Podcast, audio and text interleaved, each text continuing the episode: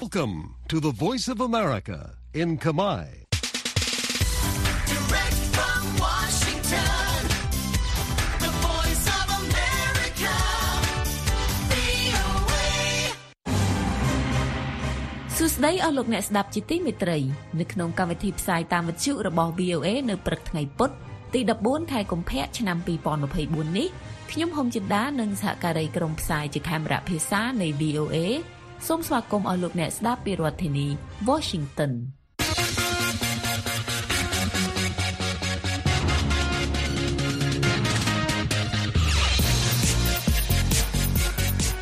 នៅក្នុងការផ្សាយរបស់ VOA នៅព្រឹកនេះយើងខ្ញុំមានសេចក្តីរាយការណ៍អំពីអ្នកតស៊ូមតិក្នុងវិស័យការងារថាការស្ដារឡើងវិញនៅការគោរពសិទ្ធិកម្មករមានសារៈសំខាន់ដល់ការទទួលបានពេញលេញនៅឋានៈអនុគ្រោះពន្ធ EBA និង GSP លោកពូទីនប្រកាសចំហមឿងម៉ាត់ស្ដីពីការអះអាងចារកម្មប្រឆាំងនឹងអ្នកកសែតជាប់ពន្ធនាគារគឺលោក Gershkovich អ្នករិះគន់ចោទប្រកាន់ប្រធានាធិបតីឥណ្ឌូនេស៊ីថាព្យាយាមបំផ្លាញលទ្ធិប្រជាធិបតេយ្យតាមរយៈបកពួកនិយមនិងស្ក្រីរីកាអំពីមន្ត្រីក្រសួងសេដ្ឋកិច្ចកម្ពុជាថារដ្ឋាភិបាលមិនបានផ្ដល់អាជ្ញាប័ណ្ណដល់ក្រុមហ៊ុនលបែងស៊ីសងអនឡាញឡើយ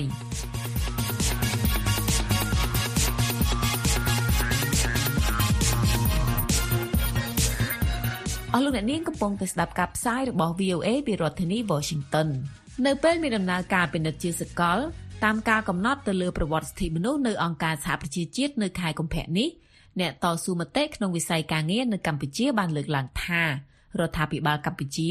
ត្រូវតែធ្វើការកែតម្រង់ច្បាប់មួយចំនួនពាក់ព័ន្ធនឹងវិស័យការងារដើម្បីធានាថាសិទ្ធិរបស់ពលរដ្ឋឬកម្មករមិនត្រូវបានគេរំលោភបំពានហើយចលនាសហជីពឯករាជ្យទៀតសោត ត្រូវមានសិទ្ធិពេញលេញក្នុងការជួយដោះស្រាយវិវាទកម្មករដែលរងការកេងប្រវ័ញ្ចពីសំណាក់ថៅកែរោងចក្រឬសហគ្រាសលោកហុលរស្មីរាយការណ៍ឲ្យ VOA ពីរាជធានីភ្នំពេញដូចតទៅការធ្វើឲ្យប្រសើរឡើងវិញនៅការគោរពសិទ្ធិកម្មករនិងការផ្ដល់ឲ្យសហជីពឯករាជ្យនៅសិទ្ធិសេរីភាពដើម្បីការពារប្រយោជន៍កម្មករជាចំណុចស្នូលសម្រាប់កម្ពុជាក្នុងការទទួលបានត្រឡប់មកវិញ នៅឋានៈអនុគ្រោះពន្ធពេញលេញរបស់សហភាពអឺរ៉ុបគឺគ្រប់មុខទំនិញលើកលែងតែសភាវុធហៅកាត់ថា EBA និងប្រព័ន្ធអនុគ្រោះពន្ធទូទៅរបស់សហរដ្ឋអាមេរិកហៅកាត់ថា GSP នេះជាការបកស្រាយរបស់អ្នកតស៊ូមតិក្នុងវិស័យការងារតាមអត្ថបទបញ្ចេញមតិមួយដែល VOA បានទទួលកាលពីខែសីហាឆ្នាំ2020សហភាពអឺរ៉ុបបានដកមួយផ្នែកនៃឋានៈអនុគ្រោះពន្ធ EBA របស់ខ្លួនស្មើនឹង20%ដោ យសារការរំលោភសិទ្ធិមនុស្សជាប្រព័ន្ធនៅកម្ពុជា ហើយរហូតមកដល់ពេលនេះសហរដ្ឋអាមេរិកមិនទាន់បញ្ជាក់ថាកម្ពុជាអាចនឹងទទួលបានឋានៈអនុគ្រោះពន្ធ GSP ជាថ្មីទៀតឬយ៉ាងណានោះទេ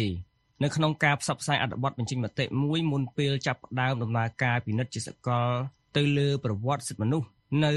អង្គការសហប្រជាជាតិនាខែកុម្ភៈនេះ ប្រធានគ្រប់គ្រងកម្មវិធីការងាររបស់មជ្ឈមណ្ឌលសម្ព័ន្ធភាពការងារនិងសិទ្ធិមនុស្សហៅកាត់ថាសង្ត្រាលោកខុនថារ៉ូបានបកស្រាយថាស្ថានភាពនៃការគោរពសិទ្ធិកម្មករនៅមិនទាន់មានភាពប្រសើរឡើងនៅឡើយហើយសហជីពឯករាជ្យដែលការពារប្រយោជន៍កម្មករជារឿយៗរងការយាយីតាមផ្លូវច្បាប់ការគំរាមកំហែងនិងបានកំពុងបាត់បង់សិទ្ធិជួយកម្មករព្រោះតែចំណុចសំខាន់មួយគឺ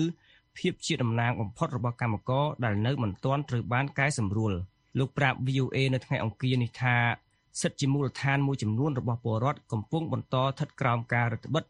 ដែលទាមទារឲ្យមានការកែតម្រង់ច្បាប់ពាក់ព័ន្ធដើម្បីធានាថាសិទ្ធិពលរដ្ឋគ្រប់រូប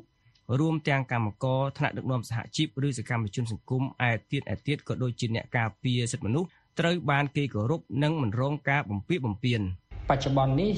នៅពេលដែលសកម្មជនថ្នាក់ដឹកនាំសហជីព ឬក៏សកម្មជនសង្គមឬក៏អង្គការសង្គមស៊ីវិលដែលធ្វើការងារក្នុងការលើកកម្ពស់សិទ្ធិមនុស្សនេះអឺត្រូវបានបន្តទទួលរងនៅការគម្រាមកំហែងដូចយើងដឹងហើយថ្មីថ្មីនេះអឺលោកសង្សានករណាដែលជាអ្នកនាំពាក្យរបស់សមាគមអាត់ហុកពួកគាត់ក៏ត្រូវបានអឺខាងគណៈបកអឺប្រជាជននឹងធ្វើការប្តឹងតាក់ទងទៅនឹង ការលើកឡើងរបស់គាត់ជាមួយនឹងសារព័ត៌មាន Cambodia Daily ជាដើមអញ្ចឹងអានេះវាឆ្លុះបញ្ចាំងអំពីសិទ្ធិសេរីភាពជាមូលដ្ឋាននៅក្នុងការលើកឡើងអំពីកង្វះខាតឬក៏នៅពេលដែលយើងក្នុងនាមជាអង្គការសង្គមស៊ីវិលហ្នឹងដែលធ្វើកិច្ចការងារលើវិស័យហ្នឹងមើលឃើញថាសិទ្ធិសេរីភាពនៅក្នុងការបញ្ចេញមតិនេះវាមានការធ្លាក់ចុះចចឹងអានោះវាជាតលហិកជាសូចនកមួយលោកបន្ថែមថាក្នុងរយៈពេល3ឆ្នាំចុងក្រោយនេះ ការគម្រិតកំហែងលើសហជីពឯករាជ្យត្រូវបានធ្វើឡើងជាលក្ខណៈប្រព័ន្ធខណៈមិនមានការកែប្រែច្បាប់ស្តីពីការងារនិងច្បាប់សហជីពដែលអាចយកជាការបានក្នុងការលើកកម្ពស់សិទ្ធិការងារអឺកន្លងមកយើងសង្កេតឃើញថាមានការស្នើឲ្យមានការធ្វើវិសោធនកម្មច្បាប់ស្តីពីការងារច្បាប់ស្តីពីសហជីពអឺដែលត្រូវរដ្ឋសភាបានអនុម័តបកការប្រើប្រាស់ក៏ប៉ុន្តែការធ្វើវិសោធនកម្ម ក៏ដូចជាការកែប្រែនៅមាត្រាមួយចំនួនហើយអឺភាគច្រើននោះវាគ្រាន់តែជាការកែប្រែ ការធ្វើវិសោធនកម្មគ្រាន់តែជានិមិត្តរូបតែប៉ុណ្ណោះយោងតាមអត្ថបទបញ្ចេញមតិរបស់អ្នកតស៊ូមតិក្នុងវិស័យការងារដែលបានផ្ញើជូនអង្គភាពសារព័ត៌មានកាលពីសប្តាហ៍មុនគណៈកម្មការសហភាពអឺរ៉ុបបានកត់សម្គាល់ក្នុងរបាយការណ៍ចុងក្រោយស្តីពីឋានៈអនុគ្រោះពន្ធ EBA របស់ខ្លួនមួយថាកម្ពុជា នៅបណ្ដោយឲ្យកើតមានការរំលោភលើសិទ្ធិជួបជុំនិងការចរចារួមគ្នាអត្ថបទដដែលរៀបរាប់ទៀតថាមានបញ្ហាប្រឈមធ្ងន់ធ្ងរជាច្រើនបានកើតឡើងទៅលើការចុះបញ្ជីសហជីពនិងការចរចារួមគ្នាហើយក៏មានការបន្តប្រើប្រាស់កិច្ចសន្យាមានថេរវេលាកំណត់ជាឧបករណ៍ប្រឆាំងនឹងការបង្កើតសហជីពផ្អែកតាមទិន្នន័យដែលប្រមូលបានពីសហជីពនិងសហព័ន្ធឯករាជ្យយ៉ាងហោចណាស់មានកម្មករចំនួន ជិត34000នាក់មកពីរោងចក្រចំនួន49នៅបន្តធ្វើការក្រោមកិច្ចសន្យាដែលមានថេរវេលាកំណត់បើទោះបីតាមជាតិពិតជាក់ស្ដែងពួកគេត្រូវទទួលបានកិច្ចសន្យាការងារដែលគ្មានថេរវេលាកំណត់ហើយមានកម្មករចំនួន630នាក់មិនត្រូវបានជួលឲ្យធ្វើការងារវិញបន្ទាប់ពីមានការបង្កើតសហជីព នៅក្នុងការផ្ដល់អនុសាសន៍ដល់រដ្ឋាភិបាលកម្ពុជាអ្នកតស៊ូមតិក្នុងវិស័យការងារលើកឡើងចំណុចសំខាន់ៗមួយចំនួនថារដ្ឋាភិបាលត្រូវធ្វើឲ្យមានភាពសាមញ្ញជាងមុននៃការកំណត់ភាពជាតំណាងបំផុតរបស់កម្មករដើម្បីដោះស្រាយវិវាទកម្មករឲ្យបានត្រឹមត្រូវតាមរយៈក្រុមប្រឹក្សាអាជ្ញាកណ្ដាលឯករាជ្យកែប្រែបទបញ្ញត្តិដែលរដ្ឋបិទសិទ្ធិប្រមូលផ្ដុំនិងសិទ្ធិធ្វើកោតកម្មនិងការពារមេដឹកនាំសហជីពពីអំពើហិង្សាការរើសអើងនិងការធ្វើឲ្យមានទោសទណ្ឌ លិខិតបញ្ចេញមតិរបស់អ្នកតស៊ូមតិលើកឡើងថាការដោះស្រាយក្តីកង្វល់នានាពាក់ព័ន្ធនឹងសិទ្ធិមនុស្សដែលកំពុងកើតមានគឺជាកត្តាសំខាន់មួយសម្រាប់ការទទួលបានមកវិញពេញលេញនៅឋានៈអនុគ្រោះពន្ធ EBA ក៏ដូចជាឲ្យកម្ពុជាបានត្រៀមខ្លួនទុកជាមុនសម្រាប់ការទទួលបានឋានៈអនុគ្រោះពន្ធសហរដ្ឋអាមេរិក GSP ដែលទាំងអស់នេះទាមទារការបដិញ្ញាចិត្តដ៏គួរឲ្យទុកចិត្តបានរបស់រដ្ឋាភិបាលកម្ពុជា អ្នកនាំពាក្យក្រសួងការងារនិងម្ដុំម្ដាលវិជ្ជាជីវៈលោកកតាអូនច្រានចោលការលើកឡើងរបស់សង្គមស៊ីវិលដែលធ្វើការតស៊ូមតិក្នុងវិស័យការងារពាក់ព័ន្ធនឹងការរដ្ឋបិទសិទ្ធិសហជីពដោយថាកម្ពុជាជាទីដែលមានលំហសេរីភាពយ៉ាងទូលំទូលាយសម្រាប់សហជីពដែលត្រូវតែអនុវត្តសិទ្ធិអំណាចរបស់ខ្លួនទៅតាមច្បាប់ស្តីពីការងារនិងសហជីពលោកបន្ថែមថាការធ្វើវិសោធនកម្មច្បាប់ស្តីពីការងារនិងសហជីពគឺដើម្បីធានាឲ្យមានការគោរពសិទ្ធិការងារឲ្យបានប្រសើរជាងមុន ខណៈមានសហជីពសហភាពសហជីពនិងសហព័ន្ធសហជីពចំនួនជាង6000ត្រូវបានបង្កើតឡើងនិងកំពុងធ្វើសកម្មភាពនៅតាមរោងចក្រនិងសហគ្រាសនានាលោកប្រាប់ VOA ថារាជរដ្ឋាភិបាល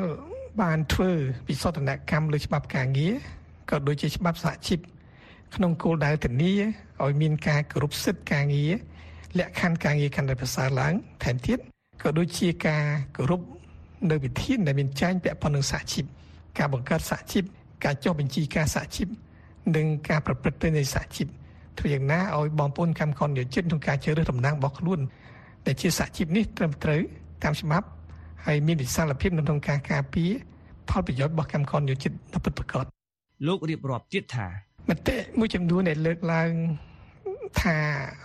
ការធ្វើសោតនកម្មច្បាប់ការងារក៏ដូចជាច្បាប់សហជីពមិនផ្ដល់ប្រយោជន៍ដល់ភាគីសហជីពក៏ដូចជាកម្មករនិយោជិតគឺជាការមិនបានយល់ ដឹងអំពីខ្លឹមសារច្បាស់លាស់មិនបានអានច្បាប់ឲ្យបានស៊ីជម្រៅយល់ដឹងឲ្យស៊ីជម្រៅនៅមេត្រាច្បាប់ដូច្នេះការដែលយើង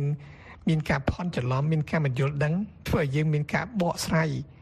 ឬការអនុវត្តមិនត្រឹមត្រូវដូច្នេះអ្វីៗក៏ដោយត្រូវទៀមទាឲ្យមានការពិនិត្យពិច័យឲ្យច្បាស់លាស់ឲ្យមានការថ្លឹងថ្លែងឲ្យច្បាស់លាស់ឲ្យមានការវិភាគយល់ដឹងអំពីខ្លឹមសារច្បាប់ឲ្យច្បាស់លាស់ទើបយើងអាចធ្វើការងារមួយ បានត្រឹមត្រូវក្នុងក្របខ័ណ្ឌច្បាប់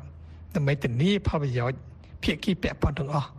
ជាពិសេសផលប្រយោជន៍បងប្អូនកម្មករយោជិតរបស់យើងដំណើរការពិនិត្យជាសកលទៅលើប្រវត្តិមនុស្សនៅអង្គការសហប្រជាជាតិលើកនេះគឺជាការពិនិត្យជុំទី4ដែលប្រព្រឹត្តទៅចាប់ពីថ្ងៃទី12ដល់ថ្ងៃទី16ខែកុម្ភៈនេះភាគីរដ្ឋាភិបាលកម្ពុជាក៏ត្រូវដាក់របាយការណ៍ស្ដីពីស្ថានភាពសិទ្ធិមនុស្សទៅក្នុងដំណើរការពិនិត្យជាសកលនេះដែរ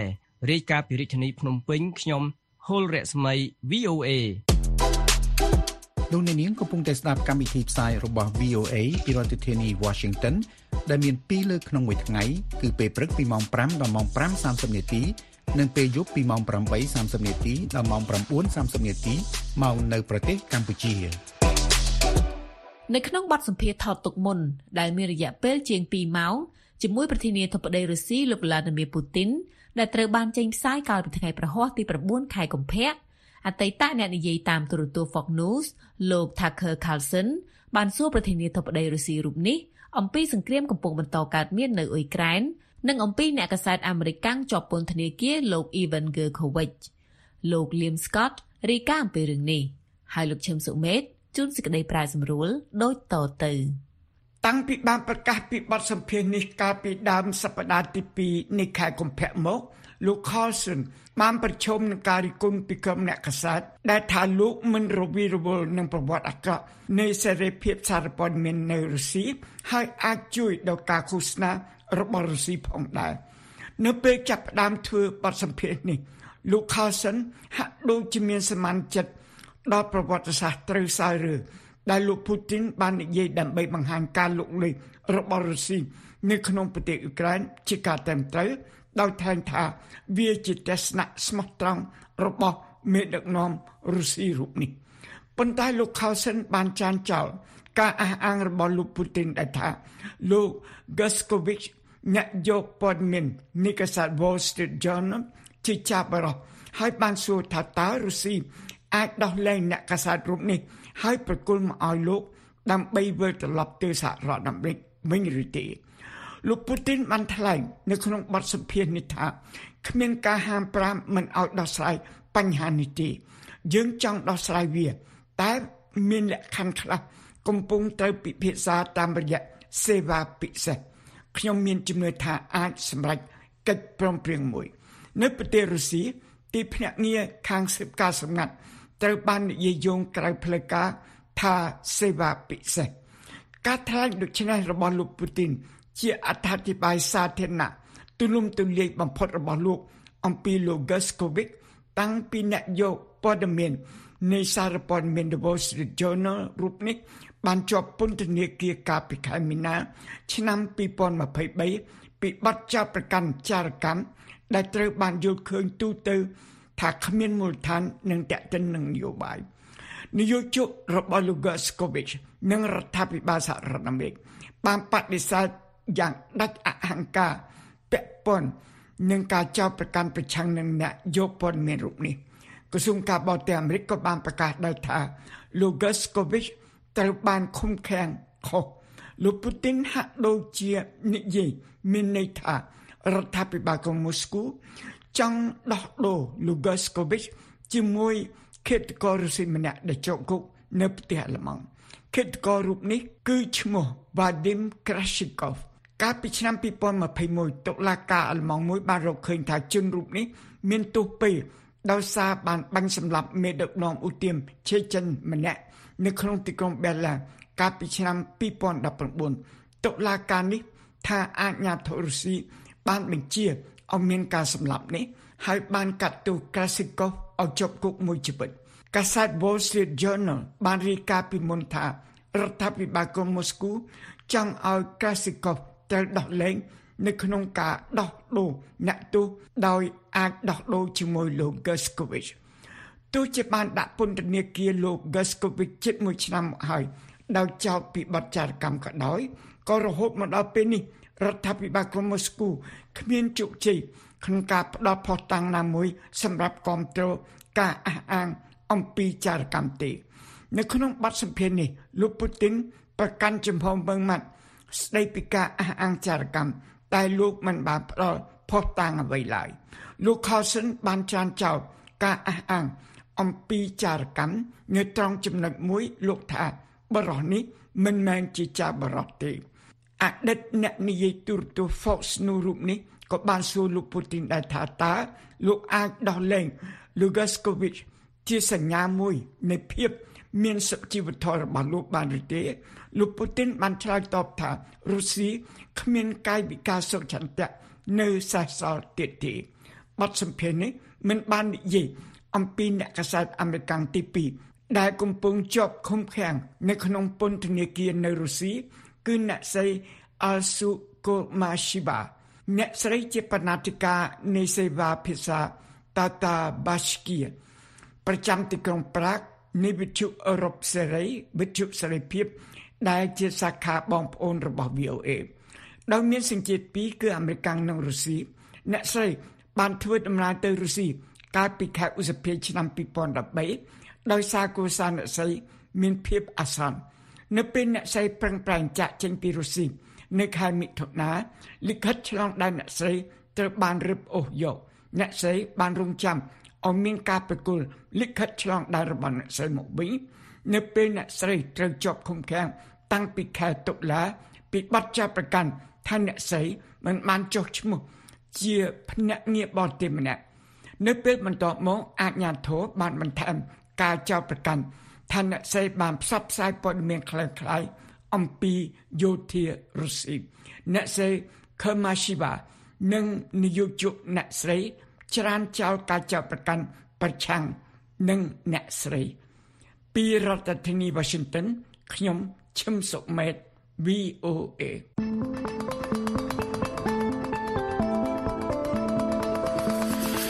អ្នកនាងកំពុងតែស្ដាប់កម្មវិធីផ្សាយរបស់ VOA ពីរដ្ឋធានី Washington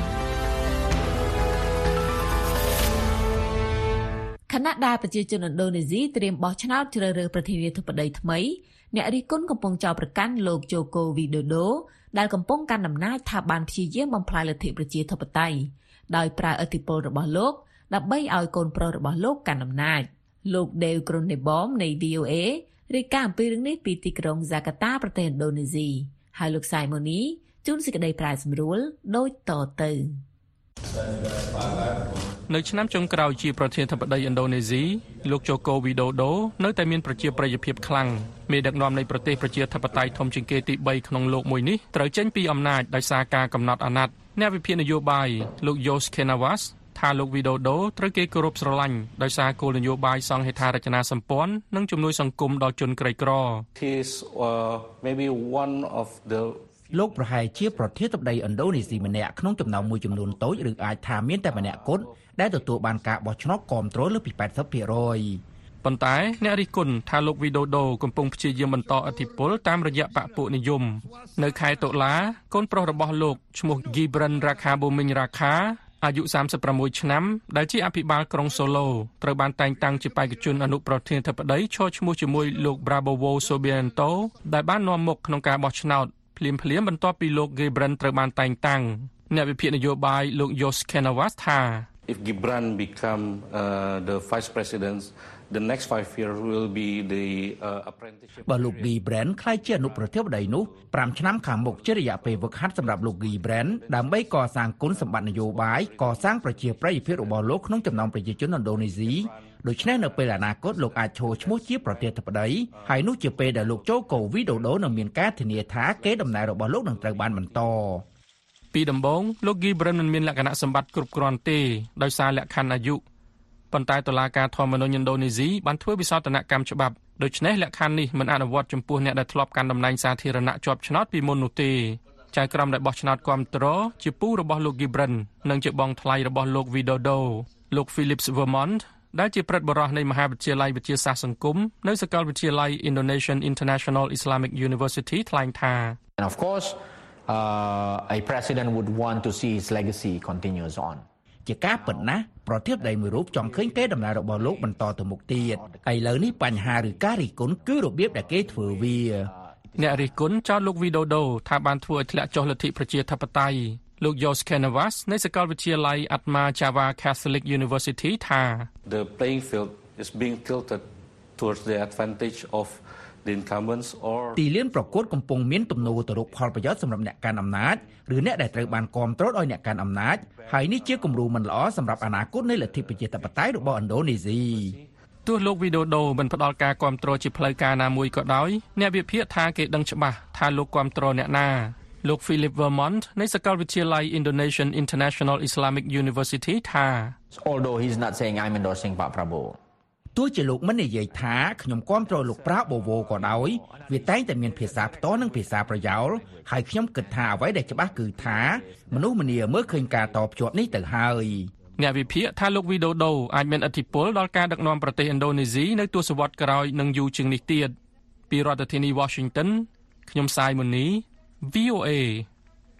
លោកអ្នកនាងកំពុងតែស្ដាប់កម្មវិធីផ្សាយរបស់ VOA ពីរដ្ឋធានី Washington ដែលមាន2លើកក្នុងមួយថ្ងៃគឺពេលព្រឹកពីម៉ោង5ដល់ម៉ោង5:30នាទីនិងពេលយប់ពីម៉ោង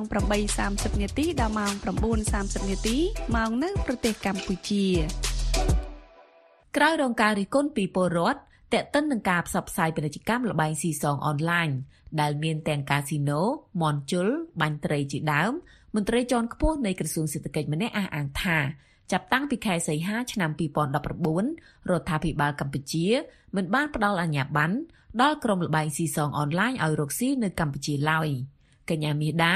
រីកាឲ្យ VOA ពីរាជធានីភ្នំពេញ ដូចតទៅកាលពីពេលថ្មីថ្មីនេះមានការផ្សព្វផ្សាយពាណិជ្ជកម្មលបែងអនឡាញមួយឈ្មោះថា DIG88 រហូតដល់មានការរិះគន់យ៉ាងសន្ធឹកសន្ធាប់លើតារាកំ pl ែងល្បីម្នាក់ឈ្មោះនីគ្រឿនដែលបានចូលរួមផ្សព្វផ្សាយនៅក្នុងវីដេអូបទចម្រៀងមួយក្រោយមានការប្រតិកម្មពីមហាជនដែលប្រើប្រាស់បណ្ដាញសង្គម Facebook នីគ្រឿនកាលពីថ្ងៃច័ន្ទបានប្រកាសជាសាធារណៈថាលោកជប់ផ្សាយពាណិជ្ជកម្មឲ្យក្រុមហ៊ុនលបែងនិងស្រាទៀតហើយចាប់ពីពេលនេះ មន្ត្រីជាន់ខ្ពស់ម្នាក់ដែលជាអ្នកនាំពាក្យក្រសួងសេដ្ឋកិច្ចនិងហិរញ្ញវត្ថុប្រាប់ VOA នៅថ្ងៃអង្គារនេះថារដ្ឋាភិបាលកម្ពុជាមិនបានផ្ដល់អាជ្ញាប័ណ្ណដល់ក្រុមហ៊ុនល្បែងស៊ីសងអនឡាញឲ្យប្រកបអាជីវកម្មឬរកស៊ីនៅកម្ពុជានោះទេចាប់តាំងពីពាក់កណ្ដាលឆ្នាំ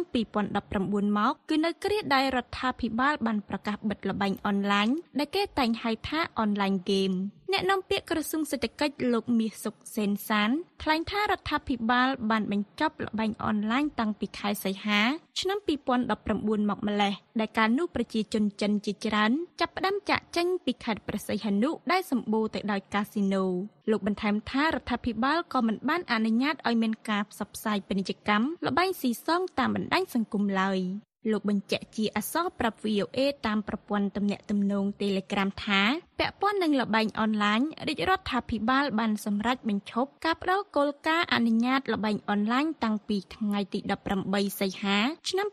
2019រហូតមកដល់ពេលនេះពុំមានការអនុញ្ញាតលើការផ្តល់អាជ្ញាប័ណ្ណលបែងអនឡាញនោះទេលបែងអនឡាញរបស់ dig88.com ដែលមានលបែងស៊ីសងដូចជាកាស៊ីណូជលមន់ បាញ់ត្រី និងលបែងមួយចំនួនទៀតត្រូវបានផ្សព្វផ្សាយជាបន្តបន្ទាប់តាមរយៈបណ្ដាញសង្គម Facebook, Telegram, YouTube និងគេហទំព័រដើម្បីឲ្យប្រជាពលរដ្ឋចុះឈ្មោះលេងល្បែងអនឡាញទាំងនោះ អ្នកនាំពាក្យក្រសួងសេដ្ឋកិច្ចលោកមាសសុកសេនសាន បញ្ជាក់ប្រាប់ VOA ថាក្រុមហ៊ុនខាងលើនេះពុំមានអាជ្ញាប័ណ្ណទេអ្នកនាំពាក្យរូបនេះមិនបានបញ្ជាក់អំពីចំណាត់ការឬវិធានការបែបណាទៅលើក្រុមហ៊ុនលបែងអនឡាញនេះឡើយក្រោយក្រុមហ៊ុនមួយនេះបានផ្សព្វផ្សាយលបែងជាសាធារណៈគណៈរដ្ឋាភិបាលមិនបានផ្ដល់អាជ្ញាប័ណ្ណសម្រាប់ដំណើរការអាជីវកម្មមួយនេះឡើយ ប៉ុន្តែមន្ត្រីជាន់ខ្ពស់រូបនេះថាក្រសួងសេដ្ឋកិច្ចនឹងបន្តលុបបំបាត់អ្នកនាំពាក្យរូបនេះឲ្យដឹងទៀតថាអនុលោមតាមច្បាប់ស្តីពីការគ្រប់គ្រងលបែងពាណិជ្ជកម្មវិស័យលបែងពាណិជ្ជកម្មមិនស្ថិតក្រោមការគ្រប់គ្រងរបស់ក្រសួងសេដ្ឋកិច្ចនិងហិរញ្ញវត្ថុទេ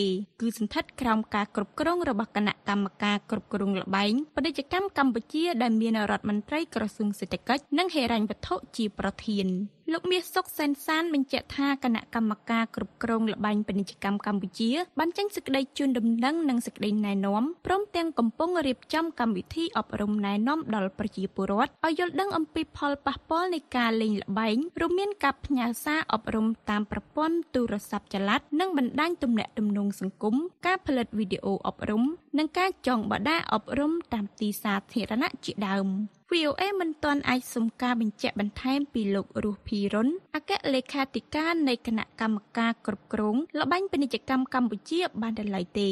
VOA ក៏ពុំទាន់អាចសុំការអត្ថាធិប្បាយពីអ្នកនាំពាក្យក្រសួងមហាផ្ទៃលោកទូចសុខៈនិងលោកខៀវសុភ័ក្ររដ្ឋលេខាធិការក្រសួងមហាផ្ទៃបានដែរ VOA ក៏ពុំទាន់អាចសុំការបញ្ជាក់ពីក្រុមហ៊ុនល្បែងអនឡាញ dig88.com តាមរយៈលេខទូរស័ព្ទដែលក្រុមហ៊ុនផ្សព្វផ្សាយបានដែរ អ្នកតាមដានមួយចំនួនបង្ហាញការងឿងឆ្ងល់ថាហេតុអ្វីបានជាក្រុមហ៊ុនល្បែងស៊ីសងអនឡាញត្រូវបានផ្សព្វផ្សាយតាមបណ្ដាញសង្គមយ៉ាងទូលាយបែបនេះលោកសេកសុជាតិអ្នកប្រឹក្សាយោបល់ផ្នែកអភិវឌ្ឍផ្នត់គំនិត និងស្រាវជ្រាវបានចោទសួរអំពីការបណ្ដាច់បណ្ដោយឲ្យមានការផ្សព្វផ្សាយល្បែងស៊ីសងតាមប្រព័ន្ធអនឡាញយ៉ាងសន្ធឹកសន្ធាប់នាពេលបច្ចុប្បន្ននេះលោកថាល្បែងស៊ីសងបានជះផលអវិជ្ជមានខ្លាំងទៅដល់ពលរដ្ឋ យើងក៏ឆ្ងល់ដែរថារដ្ឋាភិបាលហាក់បីដូចជាមិនអើពើចំពោះបញ្ហាទាំងអស់ហ្នឹងហើយបែរជាហាក់បីដូចជាបើកដៃឲ្យមានការផ្សព្វផ្សាយនេះវាកាន់តែមានភាពផុសផុលរហូតទៅដល់មានបញ្ហាហាក់បីដូចជាធ្វើមិនដឹងអីចឹងណា ក្រៅពីក្រុមហ៊ុនល្បែងអនឡាញ dig88.com នេះគេក៏ឃើញមានក្រុមហ៊ុនល្បែងអនឡាញជាច្រើនទៀតបានផ្សព្វផ្សាយអូសទាញឲ្យពលរដ្ឋចូលទៅលេងល្បែងស៊ីសងទាំងនោះមិនតែប៉ុណ្ណោះក្រុមហ៊ុនល្បែងស៊ីសងមួយចំនួនទៀតបានផ្ញើសារតាមរយៈប្រព័ន្ធលេខទូរស័ព្ទដៃទៅកាន់ពលរដ្ឋដែលដាក់តំណភ្ជាប់ចូលទៅលេងល្បែងស៊ីសងទាំងនោះតាមប្រព័ន្ធ Telegram និងគេហទំព័រក្រុមហ៊ុនទាំងនោះមានឈ្មោះដូចជា Casino កីឡា Fighty Fighty និង Casino Online PK 777ដែលមានល្បែងដូចជាបាកាវ៉ាត់ម៉ាស៊ីនស្លុតជលមន់ទាត់បាល់និងល្បែងជាច្រើនទៀតបើតាមលោកសេកសុជាតិការដែលក្រុមហ៊ុនល្បែងស៊ីសងផ្ញើសារតាមរយៈទូរស័ព្ទដៃគឺរំលោភឯកជនភាពរបស់ប្រជាពលរដ្ឋ លោកប៉ាច័ន្ទរឿនប្រធានវិទ្យាស្ថានប្រជាធិបតេយ្យកម្ពុជា ដែលរិះគន់ការផ្សព្វផ្សាយល្បែងលើបណ្ដាញសង្គមយល់ឃើញថាការផ្សព្វផ្សាយតាក់ទងទៅនឹងល្បែងស៊ីសង ទាំងអនឡាញនិងអូហ្វឡាញគឺកក្រឹកកក្រែងដែលមិនបានគោរពទៅតាមក្រមសីលធម៌នៅក្នុងប្រទេសកម្ពុជានោះទេលោកក៏ទាមទារឲ្យរដ្ឋាភិបាល និងអាជ្ញាធរពាក់ព័ន្ធចាត់វិធានការជាបន្ទាន់លើក្រុមហ៊ុនល្បែងស៊ីសងអនឡាញទាំងនោះទាល់តែអឺ ទាំងភាគីក្រុមហ៊ុនទាំងអឺតារាខ្លួនឯងនិងអឺអាជ្ញាធររដ្ឋនឹងយកចិត្តទុកដាក់ពិនិត្យមើលឡើងវិញអំពីអឺផលប៉ះពាល់នៃការផ្សព្វផ្សាយអឺពាណិជ្ជកម្មអឺលបែងស៊ីសងជាពិសេសគឺហ្គេមអនឡាញហ្នឹងពីព្រោះនៅក្នុងអឺសង្គមមួយជាពិសេសដូចសង្គមខ្មែរនេះវាមិនអាចរីកចម្រើនរុងរឿងទៅបានទេប្រសិនបើប្រជាពលរដ្ឋអឺវក់វីតែនឹងរឿងលបែងស៊ីសង ក្រៅពីល្បែងអនឡាញនេះក៏មានការរិះគន់ទៅលើល្បែងមួយទៀតគឺឡូតូដែលអាជីវកម្មមួយនេះកំពុងរីកដុះដាលនៅតាមទីសាធារណៈជាពិសេសកន្លែងលេងកីឡា តាក់ទងនឹងល្បែងឡូតូនេះអភិបាលខេត្តកំពង់ស្ពឺលោកវីសំណាងប្រាប់ VOA នៅថ្ងៃអង្គារនេះថាលោកមិនអនុញ្ញាតឲ្យបើកអាជីវកម្មឆ្នាត់ឡូតូនិងល្បែងផ្សងសំណាងនៅក្នុងភូមិសាស្ត្រខេត្តកំពង់ស្ពឺនោះទេព្រោះដើម្បីចូលរួមការពារសុខសន្តិភាពសណ្ដាប់ធ្នាប់សាធារណៈនិងសុវត្ថិភាពជូនប្រជាពលរដ្ឋលោកក៏ប្រមានចាត់វិធានការនិងបង្ក្រាបល្បែងស៊ីសងគ្រប់ប្រភេទក្នុងខេត្តផងដែរ យើងអនុវត្តតាមការណែនាំរបស់គង់ហ្វូរបស់សម្ដេចគឺយើងអឺមិនអនុញ្ញាតឲ្យមានការអឺបើកនៅលបែងឡូតូឬក៏លបែងផ្សេងផ្សេងផ្សេងដែលយើងដឹងថាលបែងវាឲ្យផលត្រឡប់មកវិញគឺជាបញ្ហាសង្គមដែលកើតចេញពីការចាញ់លបែងដូច្នេះហើយមិនអីទេតែនៅពេលចាញ់ក្មួយដឹងហើយនៅពេលដែលយកអារបស់របរក្នុងគ្រួសារអស់បែរទៅយករបស់អ្នកដទៃកើតពីរបស់គ្រួសារហ្នឹងហើយវាអាចទៅជាលួចឆក់ប្លន់អីចឹងណា អភិបាលខេត្តរុកនេះក៏បានអំពាវនាវទៅកាន់ប្រជាពលរដ្ឋឲ្យជៀសឆ្ងាយពីល្បែងស៊ីសងរាយការណ៍ពីរាជធានីភ្នំពេញ នាងខ្ញុំមាសដា VOA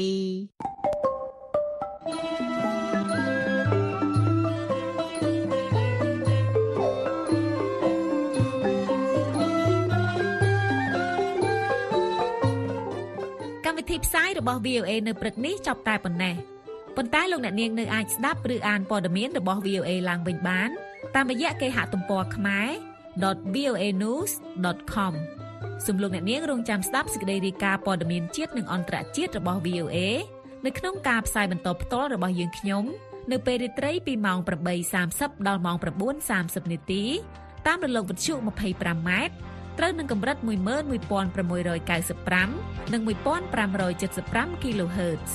អរុនសួស្តី